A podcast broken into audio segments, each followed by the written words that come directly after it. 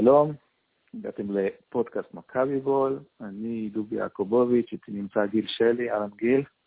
אהלן דובי. אה, מניין הימים, 21 אה, ימים בלי טל בן יהודה. אה, בדיוק. לא, האמת שלא כל כך. אבל מתוך 21 הימים האלה, שבועיים בלי כדורגל, שבועיים של פגרת נבחרות, אני מאוד מאוד מדוכא מזה.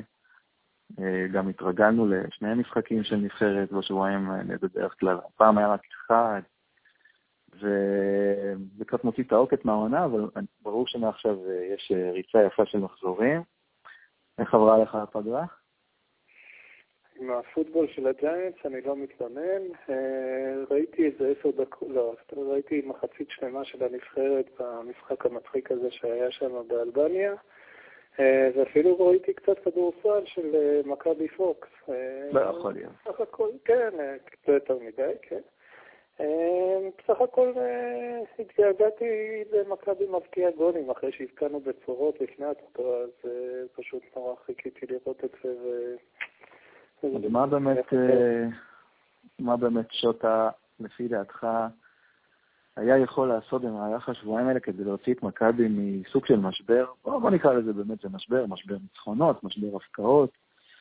אה, איזה דברים הוא היה צריך לעשות, איזה דברים הוא היה צריך להסיק מסקנות לגבי אה, המשחקים שראינו גם מול באר שבע, גם מול אלקמר, ועוד לפני זה מול מכבי חיפה. אז בוא, אפרופו הג'יינטס, אז הג'יינטס בשבועיים האלה שיחקו שני משחקים, ניצחו שתי ניצחונות, וזה היה אה, אחרי פגרה שלהם. מה שהמאמן של הג'יינטס עשה בפגרה זה שבשבוע הראשון של הפגרה הוא ישב ועשה self scouting. הוא ישב וניתח את כל המשחקים של הג'יינטס עד הפגרה, הוא הסתכל רק על הג'יינטס, מה הם עושים טוב, מה הם עושים פחות טוב. הוא הגיע להחלטות מאוד מאוד רציניות. למשל, יש אה, תפקיד שנקרא tight end בפוטבול. הוא לקח את ה tight end הפותח של הג'יינט, שלא שיחק אה, הכי טוב בשבעה משחקים האלה, ופשוט הושיב אותו על הספסל למרות שהוא היה ה tight end הפותח. זה בדיוק כמו שנגיד אה, ניקח את, את נוסה ונושיב אותו על הספסל מעכשיו באופן קבוע.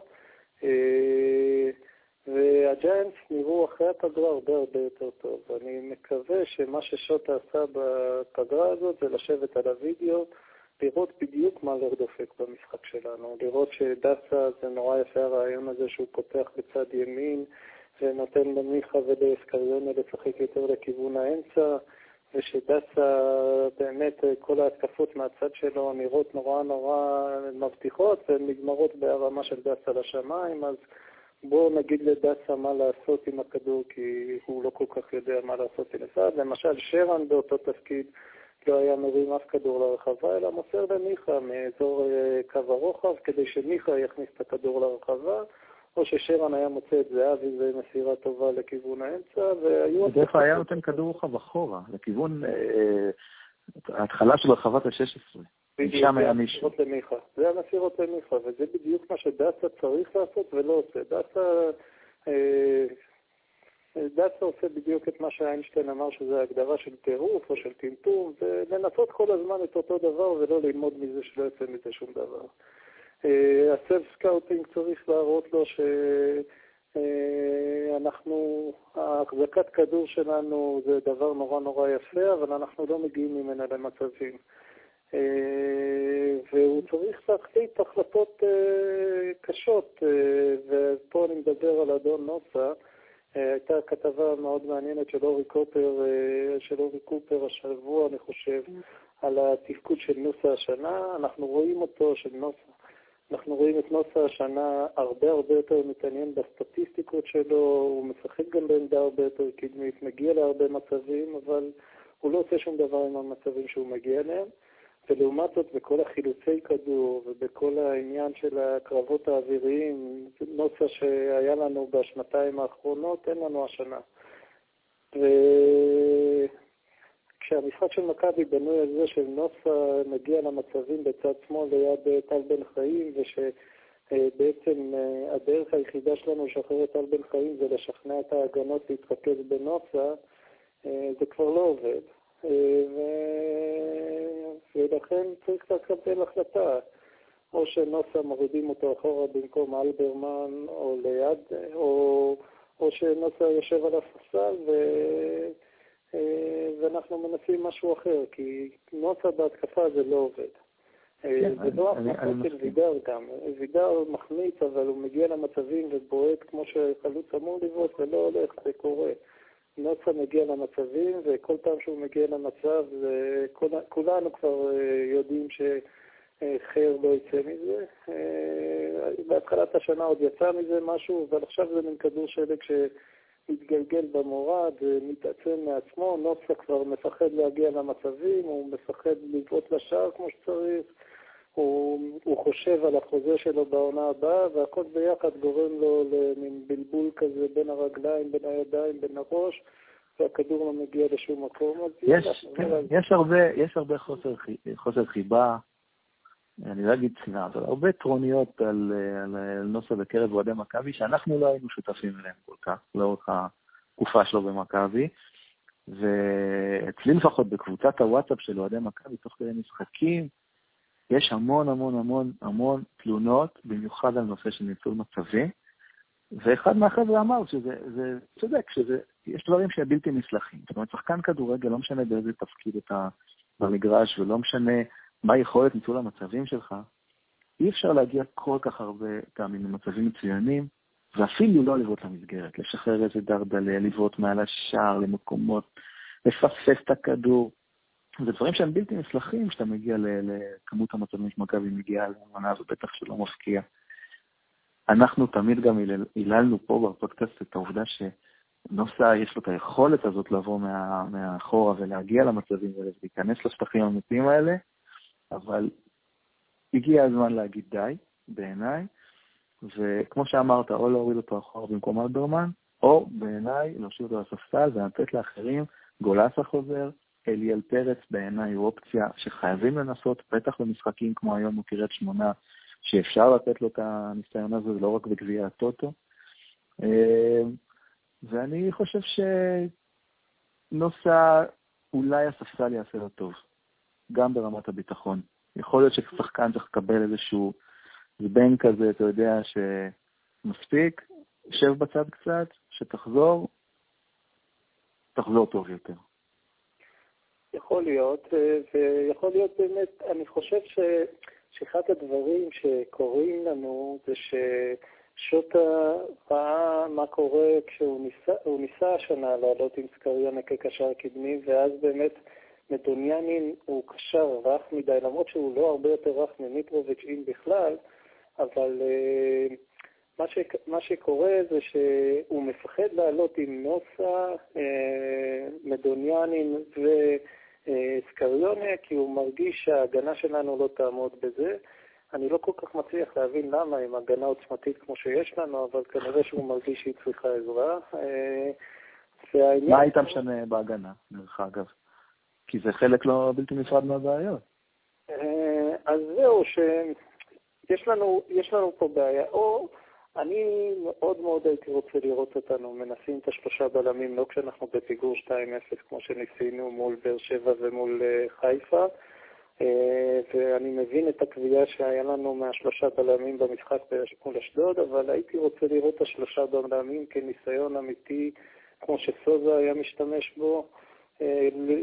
למשחק התקפי שלנו, ואז אנחנו מבטלים את שתי הבעיות הכי גדולות שלנו, ושתי הבעיות הכי גדולות שלנו זה מגן ימני ומגן שמאלי.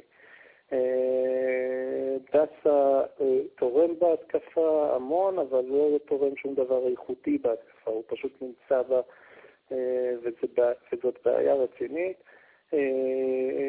עמרי בן ארוש בצד שמאל לא תורם כלום בהתקפה, והוא לא אמור לתרום כל כך בהתקפה, הוא אמור להישאר מאחורה ולתת לטל בן חיים אה, לפרוץ על הקו את הקו חופשי בשבילו. מי שאמור למנוע את זה שההגנות יתמקדו רק בטל בן חיים זה נוסה, וכמו ש... ודיברנו הרבה על זה שההגנות חכמות כבר למדו שוואלה, אז שנוסה יגיע למצבים, לא אסון. אה, אז מה הייתי מנסה? הייתי, קודם כל, הייתי פשוט מוותר על העניין הזה של, אוקיי, אנחנו חייבים אה, לשמור על ההגנה שלנו מפני ההתקפה של היריבה, והייתי מוותר או על אלברמן או על נוסה, או על שניהם ושם את גולסה עם גולסה בריא. כי אנחנו פשוט לא יכולים להרשות לעצמנו להיות כל כך מרוכזים בעזרה להגנה, שההתקפה שלנו היא איטית ואנחנו לא מגיעים למצבים איכותיים. וזה מה שהייתי עושה, הייתי חוזר לניסיון של סקריונה בתור קשר קדמי, מיכה, טל בן חיים ווידר מקדימה, כשבניון שם משתלב עם מיכה מדי פעם, מתחלף איתו הכוונה. ו...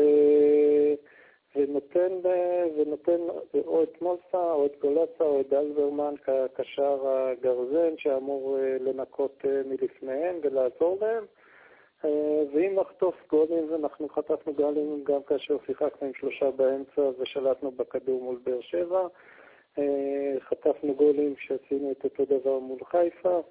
אה, אז אין מה לעשות. אז אה, עד, עד ינואר אנחנו נחטוף גולים, אבל אין טעם להרוס את הסיכוי שלנו להבקיע גולים בגלל שאנחנו מפחדים לחטוף יותר מדי גולים. זה פשוט לא עובד. כן, אני, קודם כל בנושא, בנושא דסה, אתה מדבר על דסה, עולה לי בראש יואב זיז. תורם להתקפה, נראה מבטיח, ואז בהגבהה. אה, אני רוצה להגיד משהו על המשחקים נגד חיפה ובאר שבע, שניהם נראו לי מאוד מאוד דומים. גם המשחק מול אלקמר, אבל הוא משחק, הוא היה טיפה שונה. גם נגד באר שבע וגם מול חיפה שלטנו באמצע, הנענו את הכדור, הרווחנו את הכדור מהר מאוד, היינו בגדול טובים יותר, הגענו למצבים, אה, אבל המשחק הוא איטי ושבלוני, ואנחנו מאבדים את המהירות שלנו, ואני זוכר בתקופה של אוסקר גרסיה, מכבי הייתה מרוויחה את הכדור באמצע ושולחת במהירות כדור ארוך לאלירן עטר בצד שמאל, שם הוא היה עושה איזשהו אחד על אחד, מחכה לשחקנים שיצטרפו, ועשינו את זה גם עם טל בן חיים בתקופות מסוימות בשנתיים שלוש האחרונות, וזה לא קורה יותר. זאת אומרת, מכבי מרוויחה את הכדור באמצע, מתחילה להניע אותו באמצע ולא יוצאת מהר קדימה. אה, יכול להיות שמול קבוצות בסגנון הזה, כמו באר שבע, כמו חיפה, שהן קבוצות שבאות לשחק כדורגל, זה לא מסתדרות מאחורה, אולי שווה לתת להן את האמצע. זה לא רק לעלות עם שני שחקנים באמצע וסקריון, אלא יותר אפילו במודע, לתת להם את האמצע ולהתבסס על המהירות של השחקנים שלנו, ויש לנו שחקנים מהירים בחלק הקדמי. כי זה הלך טוב מול האלקמר במחצית הראשונה, מה שאתה מציע. זאת אומרת, במחצית הראשונה מול האלקמר שיחקנו עם סקריון מקדימה, אה, בשלישייה האחורית, כאשר אה, מדוניאנים ואלברמן מאחורה. אה, ובאמת ראינו את ההתקפה המתפרצת הזאת והנפלאה שווידר הכניס שם את הגול בסוף, באחד על אחד מול השוער, שעד עכשיו אני לא מבין למה לא פסלו אותו. כן, איזה חלום חלמת. כן, אה, נכון, אה, הכדור נכנס שם, נכון? זה לא, זה לא יכול להיות את המצב הזה. מה שהיה שם זה שזה בדיוק מה שאתה מדבר עליו, התקפה ישירה של בלם, שאני לא זוכר אם זה היה טיבי או טל בן חיים שמחלצים את הכדור, אה, נתנו אותו לסקריונה שעבר שחקן ממש בווירטואוזיות על קו אמצע המגרש ושחרר ימינה למיכה. מיכה שחרר מהר מאוד לוידר ואיזה בלם הולנדי אחר שם נפל במרדף אחריו ווידר היה לבד מול השוער. וידר הראה לנו שלא רק אורלנדו סא הוא יותר רגל שמאל אלא גם הוא. ו... אבל זו הייתה התקפה בדיוק מסוג ההתקפות שאתה מדבר עליהן, שאנחנו לא צריכים להחזיק בכדור אה, עם 30 מסירות ולעשות אה, איזו הגבהה מדויקת לראש של וידר, כי פשוט אין לנו את ההתקפות האלה, אין לנו מי שיגביה. אה, יש לנו, למען האמת עדיין אין לנו מספיק שחקנים שיודעים לתת את הפס החכם הזה קדימה, יש לנו רק את מטוניאנים כרגע. וגם זאת סיבה שאנחנו חייבים את קריונה כקשר ולא כאיזה, אה, ולא הוא או מיכה, כי אנחנו צריכים גם אותו, גם את מיכה וגם את אה, אה, מדוניאנים שיכניסו כדורים חכמים לוידר, אחרת וידר לא יגיע למצבים. ו, ובכלל, המחצית הראשונה מול אלקמר, חוץ מזה שבאמת לא הבקענו, פשוט בגלל שלא יודע, לא התחשק לנו, אה, היא נראתה כמו שאנחנו אמורים לשחק, ואני מקווה ששוטה ייקח את זה אה, וינסה לשחק את זה. אה, המשחק מול מכבי פתח תקווה לא ראיתי יותר מדי, ומה שראיתי עדיף לשכוח, אז פשוט צריך לקוות שהיום מול קריית שמונה נתחיל לראות את הניסיונות של מה שוטה למד בשבועיים האלה, בחקירה העמוקה שלו בווידאו, מה לא עובד במכבי ואיך משנים את זה, ואני מקווה שנראה את זה. תראה, קריית שמונה בעיניי אחת הקבוצות הגרועות בליגה. חייבים לנצח שם בלי קשר למשבר או לא משבר, ולמרות שזה נדרש, שאנחנו לא מנצחים, לא מצליחים לנצח בו כבר כמה שנים, אולי ניצחון אחד אני זוכר שם. גם לא, אני ממש לא זוכר, פשוט לא מנצחים שם.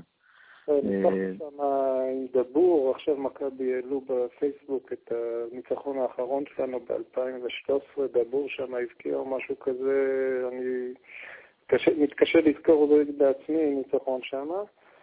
אה, אבל כן, הם באמת קבוצה חלשה השנה בצורה, לא ששנה שעברה הם היו קבוצה חזקה, כן, אבל שנה שעברה פשוט היה לנו את נוסה ורדוניץ' שעשו תחרות מי מחטיא בהחטאה יותר מטומטמת מבין שניהם. אה, אם לא ננצח בקריית שמונה, זה באמת...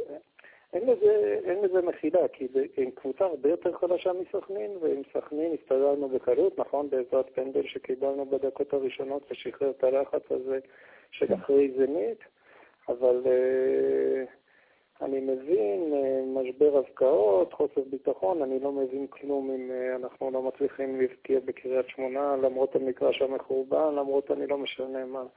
אה, פשוט זה משחק שאנחנו חייבים לקחת מחר, היום. המשחק, כן, המשחק אה, היום אה, מול קריית שמונה, בו, לפחות אני חושב ככה, הוא המשחק החשוב של השבוע, בלי שום ספק, עם כל הכבוד לזניה והליגה האירופית. א', אין לי ציפיות כל כך למשחק שם, למרות שהם הבטיחו את העלייה, ויכול להיות, וזה, אתה יודע, אין לי ציפיות. ומעבר לזה, גם שם הדברים תלויים יותר בנו במחזור האחרון. כמעט, כמעט תלויים בנו, ברוב הסיכון.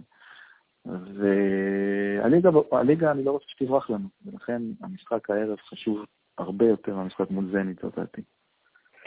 אני לא חושב שזה אחד בא על חשבון השני, בגלל זה אני לא הייתי רוצה לחשוב שאנחנו מוותרים על זנית מראש, כי באמת, כמו שאמרת, זנית עולים למשחק הזה מתוך... אה, הם כבר הבטיחו את המקום שלהם, הם לא יעלו עם ההרכב הכי חזק שלהם, אלא ייתנו למי שצריך לנוח.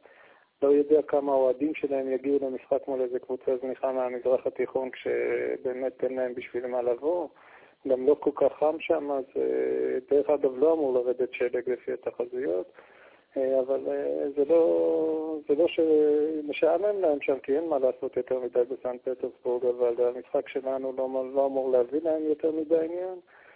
אה, אז דווקא אני רואה בזנית הזדמנות אה, להוציא שם נקודה, אה, גם צריך לזכור שאנשים מפחדים מהקור וכל מיני דברים כאלה, אז מול דינמו קייב שנה שעברה זה היה המשחק הכי צמוד שלנו שמה בצ'מפיונס ליג שהפסדנו 1-0.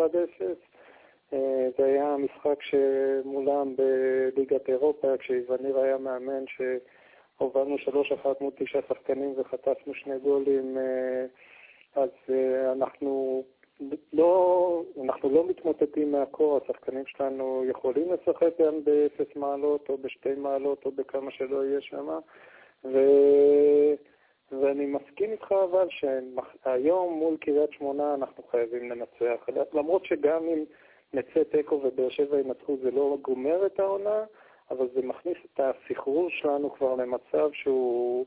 הופך את המשחק הבא, ואני לא זוכר נגד מי אנחנו משחקים שבוע אחר כך, אה, למשחק עם פי הרבה הרבה יותר מדי עומס פסיכולוגי, ולמען האמת אין שום סיבה, קריית שמונה קבוצה חלשה מאוד, אנחנו אמורים להיות קבוצה הרבה הרבה יותר טובה מהם, ואם אנחנו לא מנצחים את קריית שמונה, אנחנו בבעיה, בבעיה אמיתית אה, ש... שמראה משהו מאוד מאוד אה, מדאיג לגבי הקבוצה שלנו.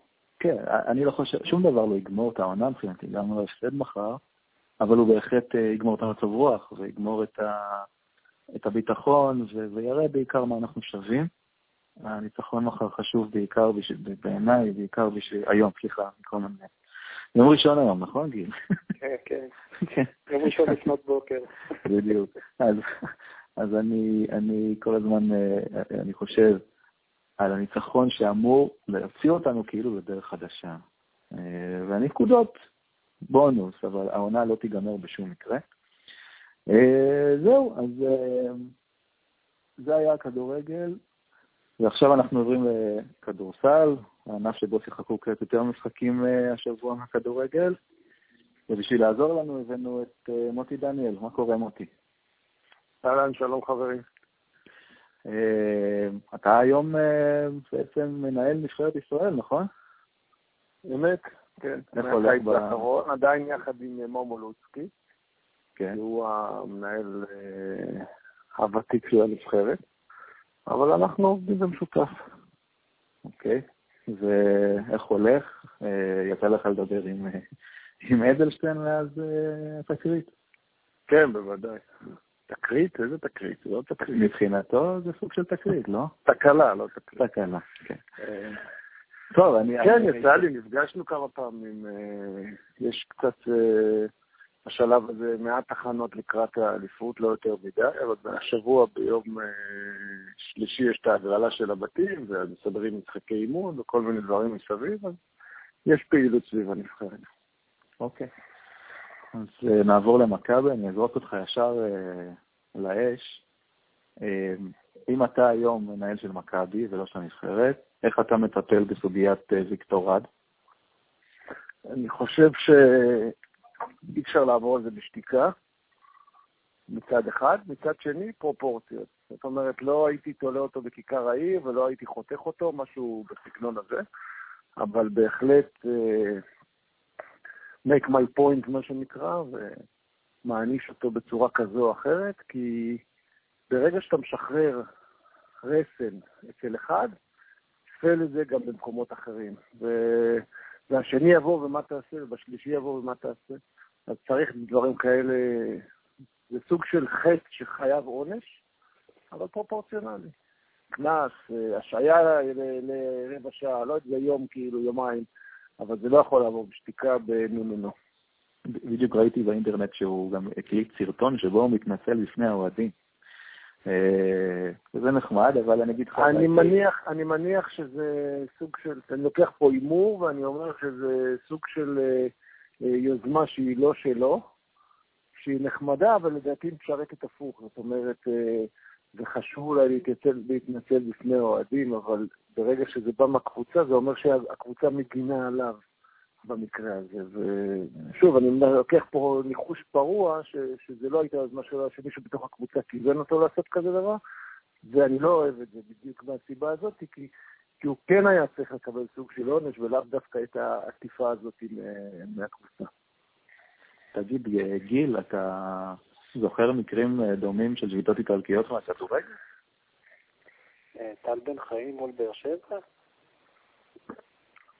היה חולשינים של שביתה איטלקית, ועברנו על זה לסדר היום, ולא יודע. אה, אבל זה לא אותו דבר בדיוק, אבל מצד שני, אה, זה גם לא פעם ראשונה במכבי, זאת אומרת, אה, השנה, במכבי פוקס, כי אם אנחנו מסתכלים על כל ההתנהלות, הרבה משמעת אין שם. אה, לא כתוצאה ממה שקרה בסוף עם אדלשטיין, ויש תחושה ששחקנים מרשים לעצמם, ואני מסכים עם מוטי שחייבים לעשות משהו, כי אם זה, כי אם זה לא יהיה המקרה האחרון, אז מכבי הזאת אה, אה, בבעיה. מניסיון אני אומר, רק התייחסות לכדורגל, בכדורגל הם הולכים הרבה, אז אתה לא יודע אם זה שפיטה איטלקית או שהם פשוט סתם הולכים. כדורסל רסים, אז זה אחרת. אבל אם אה, להיות טיפה יותר רציני, אני חושב שאם אה, אה, אם לא יהיה טסט קייס כזה שעוצרים את זה, אז כן תמיד תהיה את הפעם הבאה. כי גבול שנחצה פעם אחת ולא חוסמים אותו, הוא ימשיך להיות פרוץ, ולהפך הוא יתרחב. ואז זה יכול לבוא אליך בצורה הכי חזקה והכי מסוכנת ברגעים שכבר אין... אין דרך חזרה. אתה יודע, פה היה שבוע טוב, ניצחו את פנרבכצ'ה, ניצחו בקזאן, אז אתה אומר, יש לך נטייה להחליק ולא לקלקל, אבל אתה יודע, כשזה, כשזה תופס אותך במקום באיזה משחק אה, לאו דווקא נוח, אז פתאום אה, אתה משלם את המחיר על כל הפעמים ש, שלא טיפלת בזה כמו שצריך. אני דווקא מסתכל על זה אפילו יותר בצד המקצועי, כי אני לא אוהב שחקנים ששמים את עצמם מעל הקבוצה. אותי זה מחרפן, אני הייתי נפרד משחקנים כאלה בשנייה שזה קורה, אבל אתה מסתכל על מכבי, מה שקורה בעמדה מספר 4, ואין לה שום פתרון אחר. ג'ו אלכסנדר לא נספר, וברגע שאתה מחליט, אם אתה מחליט להעניש את רד בצורה חמורה, כמו שחרור או כמו השעיה ארוכה, אתה פוגע בעצמך אה, ברמה המקצועית, ולא נראה לי שיש להם את הלוקסוס לעשות את זה כרגע, יכול להיות שאם היה. אז פתרתי לך את הדילמה הזאת ישר, אמרתי לך, עונש, אבל בפרופורציה, לא עכשיו אה, השעיה ארוכה ולא לחתוך אותם לקבוצה, אבל כן למען יראו וייראו. כן. כן חייבים להתייחס לזה, אי אפשר להתעלם. אז מכבי אחרי אה, שני ניצחונות, אני לא יודע אם להגיד שני ניצחונות יפים, אבל שני ניצחונות, אחד בטוח יפה. והמכנה המשותף, כן, והמכנה המשותף זה גאודלוק בחוץ. יש סיבה, יכול להיות שזה קשור אחד לשני? אה, זה עובדה. תראה, אפרופו שחקנים ששמים את עצמם אה, בנפרד או מעל הקבוצה, אני ראיתי את גאודלוק עושה את זה דקה שלישית נגד ברצלונה, כשעוד מכבי הובילו ב-7-2 או 7-0, הוא כבר התחיל עם האחד על אחד שלו, שלא עניין אותו אה, אה, שום דבר חוץ מלהראות את רז שהוא, אה, שהוא בעל הבית. ואיך זה נגמר בסוף אנחנו יודעים. אז, אז הוא אחד שכן כן חווינו, אני לפחות חוויתי תחושות כאלה ממנו בתקופה שהוא היה. בלי, בלי לקחת מזה שהוא שחקן נהדר, שחקן נפלא. אבל ברגע שמתבלבלים טיפה ופוקוס ומטרות של הקבוצה, אז, אה, אז זה בעיה. של מוטי? לא היה, לא יהיה ולא נולד עוד אחד שיכול לעשות את הסיסטמטיות שאנקרם עשה בתקופתו. ואין כזה דבר. על זה אפשר לדבר אה, לא 20 דקות, אפשר לדבר על זה שלוש שעות. גיל, אתה ראית משהו שונה במכבי בלי גאוטלוק ועם גאוטלוק, שצריך אה, להשפיע יותר מזה? אני, אני השנה לא רואה הרבה מכבי, אבל מה שאני כן ראיתי זה שיוגב, אה, לא יודע אם זה קשור או לא, אבל אני לא חושב שזה מקרי שיוגב אחריה נתן שני משחקים טובים יחסית בזמן שגאודלוק בקושי שיחק. אה, לא גאודלוק, דרך אגב, זה גם גל מיטל. נכון. שכבר שלושה משחקים לא עובר את השלוש דקות ביחד. אז אה, אני, לא חושב שזה מקרי, ואני חושב שזה כן צריך לעלות סימני שאלה לגבי הרוטציה. זאת אומרת, איך נותנים ליוגב מספיק ביטחון כדי שהוא ירגיש שהוא אה, יכול לשחק בלי, בלי הוו הקצר שמושך אותו לספסל מצד אחד, מצד שני, די ברור שמכבי לא יגיעו לשום מקום בלי גאודלוק משמעותי, אז אה, יש פה דילמה רצינית, לא? כן, אני אגיד לך מה, מה אני חושב. אה, יכול להיות שזה פשוט עזר למכבי, כי ברגע שמייקל לא מקבל דקות ולנסוולד פצוע וגאודלוק בחוץ, בעצם נשארים שלושה שחקנים שממלאים את 40 דקות בעמדות הגארדים, שזה יוגב, סילי וסוני ווינס לצורך העניין, ושלושתם שומרים מצוין. אין איזשהו חור הגנתי בגארדים כמו גארדלוק או לנדסברג. אז ראינו מה הם עשו לבובי דיקסון נגד פנרבכט, שראינו מה הם ניסו לעשות ללנגפורד, לדעתי בהצלחה, למרות שהוא קלט 19 נקודות. ויכול להיות שהחיסרון הזה של לנגפורד בעצם גרם למצב שמכבי חוטפת פחות נקודות, אה, ובכלל, ראינו את הקבוצות אה, היריבות מגיעות לסוף שעון הרבה פעמים ונתקעות בהתקפה, וזה בטוח קשור. השאלה איך גורמים למכבי עם גאודלוק לשמור ככה בחוץ, בעמדות החוץ, ונראה לי שההסתה הזאת של ווינס לעמדה מספר 2 רק עזרה, וגם שחרר את דווין סמית לעמדה שהוא אוהב, לעמדה 3, ראינו שני משחקים אדירים של דווין סמית. אה, ועכשיו אני חושב שרמי אדר צריך לפתור את זה כדי להגיע למצב שגאודלוק ווימס וסמית, שלושתם אפקטיביים, כמו שווימס אה, וסמית היו בשני המשחקים האחרונים, ככה נראה לי. אני חושב שגם אם גאודזוק היה הבעיה, עדיין הפתרון, אה, הבעיה שגרמה למכבי לשחק פחות טוב הגנתית, הפתרון הוא לא בזה שאתה מוציא אותו ומוותר עליו, כי אין את הלוקסוס הזה. אם אנחנו נקפוץ עוד שבוע, עוד עשרה ימים, בלי גאודלוק ובלי מקל, אז השחקנים שציינת קודם כ... כקו הגנתי ברזלי, אה, א', ידברו על עייפות, וב', חלילה גם פציעות בגלל עומס יתר. אז ברור שצריך למצוא את הדרך לשלב, וברור שכל שחקן מביא סגנון אחר ודברים אחרים למשחק, ואתה לא יכול אה, לשחק עם קבוצה של שישה ושבעה שחקנים אה, שמתחלקים בדקות. עכשיו גאודלוק יצטרך להיות יותר חלק מהקבוצה. אה, לפעמים דברים כאלה שקבוצה מנצחת בעליך עוזר לשחקן להפיל סוג של אסימון כזה ולהגיד, וואלה, הנה איך אני נכנס פה לשטף כדי שבאמת לא יסמנו אותי את הבעיה אה, להפסדים ש... שקורים איתי ולניצחונות שקורים בלעדיי. ו... וזה עבודה של, של מאמן, זה עבודה של עוזר מאמן, לא פחות משל מאמן, אה, לבוא ולהכניס שחקן כזה למוד כזה של קבוצתיות, ובעיקר שחקן כוכב כזה שהוא באמת יש לו יכולות פנומנליות, ולחבר אותו לקבוצה. ואמר גיל קודם שבלי גרדלוק ברור שמכבי לא יכולה להגיע רחוק. אני חושב שזה גיל אמר, נכון? כן. מה שאתה אמרת, אני כבר לא זוכר. אבל לא משנה, נאמר קודם, נאמר קודם שבלי גאודלוק מכבי לא יכולה להגיע רחוק. וזה, וזה נכון, כאילו, אנחנו, גם איתו אני לא יודע כמה רחוק, אה, אה, לי נראה שהם יכולים להגיע פחות רחוק ממה שהם חושבים או מקווים להגיע, אבל זה סיפור, אה, זה הדעה שלי, אבל ברור שבלעדיו זה, זה קבוצה שהיא קבוצת אמצע טבלה ביורו-ליג, במקרה הטוב. כן, יכול להיות שגם איתו, יכול להיות שגם איתו. יכול להיות שגם איתו, על אחת כמה וכמה בלעדיו. כן. אז uh, מכבי הולכת מחר למשחק מול הפועל ירושלים. אה, היא החליטה לא להלביש את אה, צירבס למשחק, כמה זה משמעותי שבעצם יהיה לה סנטר אחד, קולטון אייברסון, זהו בערך, אולי קצת ג'ו אלכסנדר? תראה, הסנטר של ירושלים, עמדת הסנטר של ירושלים זה אולי העמדה הכי בעייתית שלהם שמשפיעה גם על כל המשחק שלהם, כי מצד אחד יש להם את, אה, את סטודומאייר שהוא כאילו כוכב על, מצד שני הוא לא באמת אה, משחק טוב עד עכשיו, הוא די, אה, הוא די בינוני ואין להם עמדה חמש חזקה.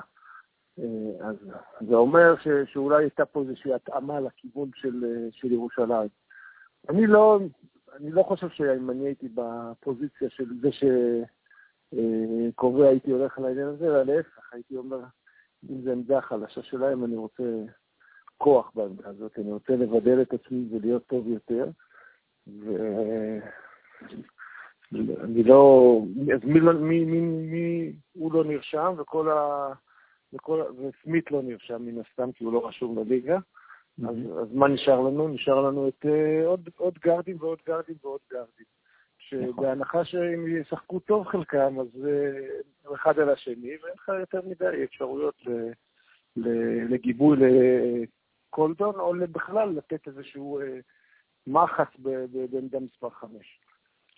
כן, ובכלל, מכבי, במשחקים שלה ביורו-ליג, רוטציה יחסית צרה, ועכשיו בגלל החוק הרוסי, בגלל החסרונות האלה שהזכרת, פתאום צריך את גל מקל, וצריך את סילבן לנדסברג בכושר טוב, וצריך את ג'ו אלכסנדר. אין ברירה, הם חייבים לשחק. כי יש חוק רוחי. יש לך עשרה גרדים, אז למה לוותר על גבוה? בדיוק, גם אני לא הבנתי את הבחירה הזאת. אה, אני אגיד למה אני חושב שהפועל ירושלים יש לו סיכוי ממש טוב מחר. להפועל ירושלים יש סיכוי טוב לדעתך? כן, הפועל ירושלים נחו שמונה ימים, בזמן שמכבי תל אביב שיחקו כמה משחקים וטסו. אה, למעשה היה להם ממש שבוע של הכנה לקראת מכבי. בגדול, החוקים של הליגה עם החוק הרוסי וחוק הצעירים לא מאפשרים למכבי להתייצב בסגל שהיא הייתה רוצה. היא לא, לא מאפשרים לה, לרמי אדר אפילו לשחק עם השחקנים שהוא היה רוצה. אה, ויכול להיות שנראה מכבי שונה שצריך לתת למקל וזו אלכסנדר את הדקות. אה, ובגדול יש לה מאמן טוב יותר, זו דעתי. יש לה בטח, בטח מאמן עם ניסיון יותר ומשחקים לא, לא גדולים. לא חותם על האמירה הזאת. למה? כי אני לא חושב שהמאמן טוב יותר. שמע, יש לא רואה יתרון, לא רואה יתרון משמעותי ב... בסדר, אני מסתכל כדורסל. לא, אתה יודע, לא מסתכל על, אה, על ותק. אוקיי, שפעם היה, שפעם, שפעם היו לנו, כשהייתי צעיר והיו שחקנים משחקים, אז היו שואלים את פיני, מה אתה אומר עליו, הוא יהיה שחקן? הוא אומר, אם הוא ישחק הרבה, הוא יהיה שחקן ותיק. ותק זה נחמד, ותק פשוט אומר שהצלחת להישאר הרבה שנים באיזשהו מקום. לי מפריע במאמן של ירושלים אמירה אחת שלא צריך להשתחרר ממנה, אני מודה, זאת בעיה שלי, אבל במסיבת עיתונאים שהוא בא בתחילת השנה, שאלו אותו מה הסגנון שלך, אז הוא, אמר, מה שהקבוצה משחקת זה הסגנון שלי, משהו כזה, הוא אמר, כאילו, כאילו אין לו סגנון באמת, אלא יאללה, בוא נלך, נראה מה שמסתדר לנו, אז נעשה. אז דווקא על האמירה הזאת התעכבתי, לא הייתה הדבר הכי חשוב שאמרת, אבל, אבל הייתי חייב ככה לא לחתום עליה. אני, אני מחזיק ממנו, שמע, הוא לקח קבוצה כמו סיונה להמון המון כדורסל טוב, נכון שזה היה מזמן, אבל יש לו פיינל פור עם יורוליק בקנה שלו, ואליפויות איטליה, והצלחה עם נבחרות, שאני מבין שזה לא אומר הרבה לקראת המשחק. אגב, הוא כבר ניצח את מכבי העונה בגמר גביע ווינר. כן, כן. ויש לי תחושה שהוא יתמודד טוב יותר עם משחקים גדולים, אבל זה נוכל לראות מחר. למכבי לענות לך על מה שאמרת קודם, אמרת שירושלים באה במצב טוב יותר, זה נכון.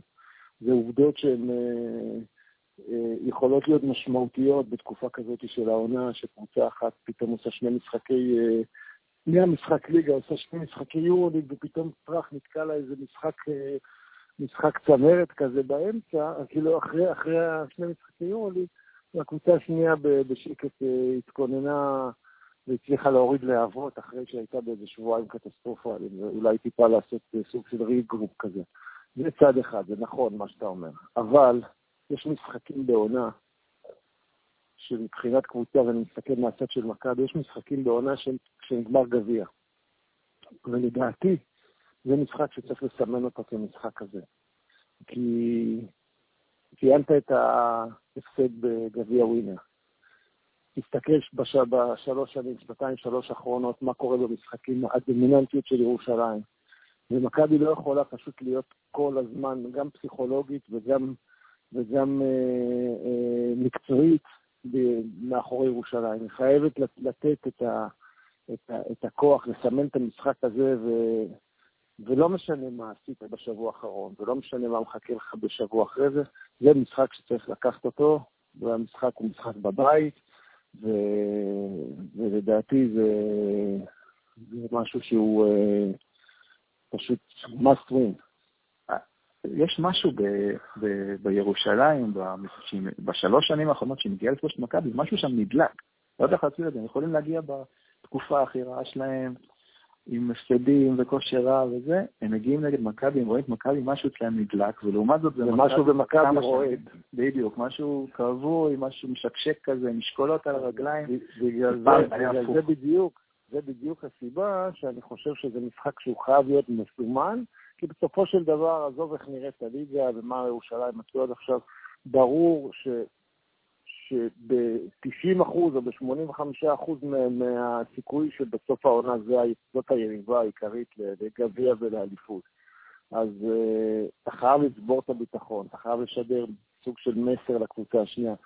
ו- ועם הרעד הזה שאתה מדבר עליו, uh, ששנינו מסכימים עליו, ייגרר על המשחק הבא, המשחק הבא יכול להיות גם גמר גביע המדינה, או חצי גמר גביע המדינה. אז uh, בגלל זה אני אומר שזה משחק שחייב להיות מסומן כ- כמשחק מלחמה, משחק, משחק, משחק על תואר, משחק על משהו, כאילו משחק עם משמעות, הוא לא סתם עוד משחק בליגה כמו שמכבי שיחקו בשבוע שעבר בהרצליה.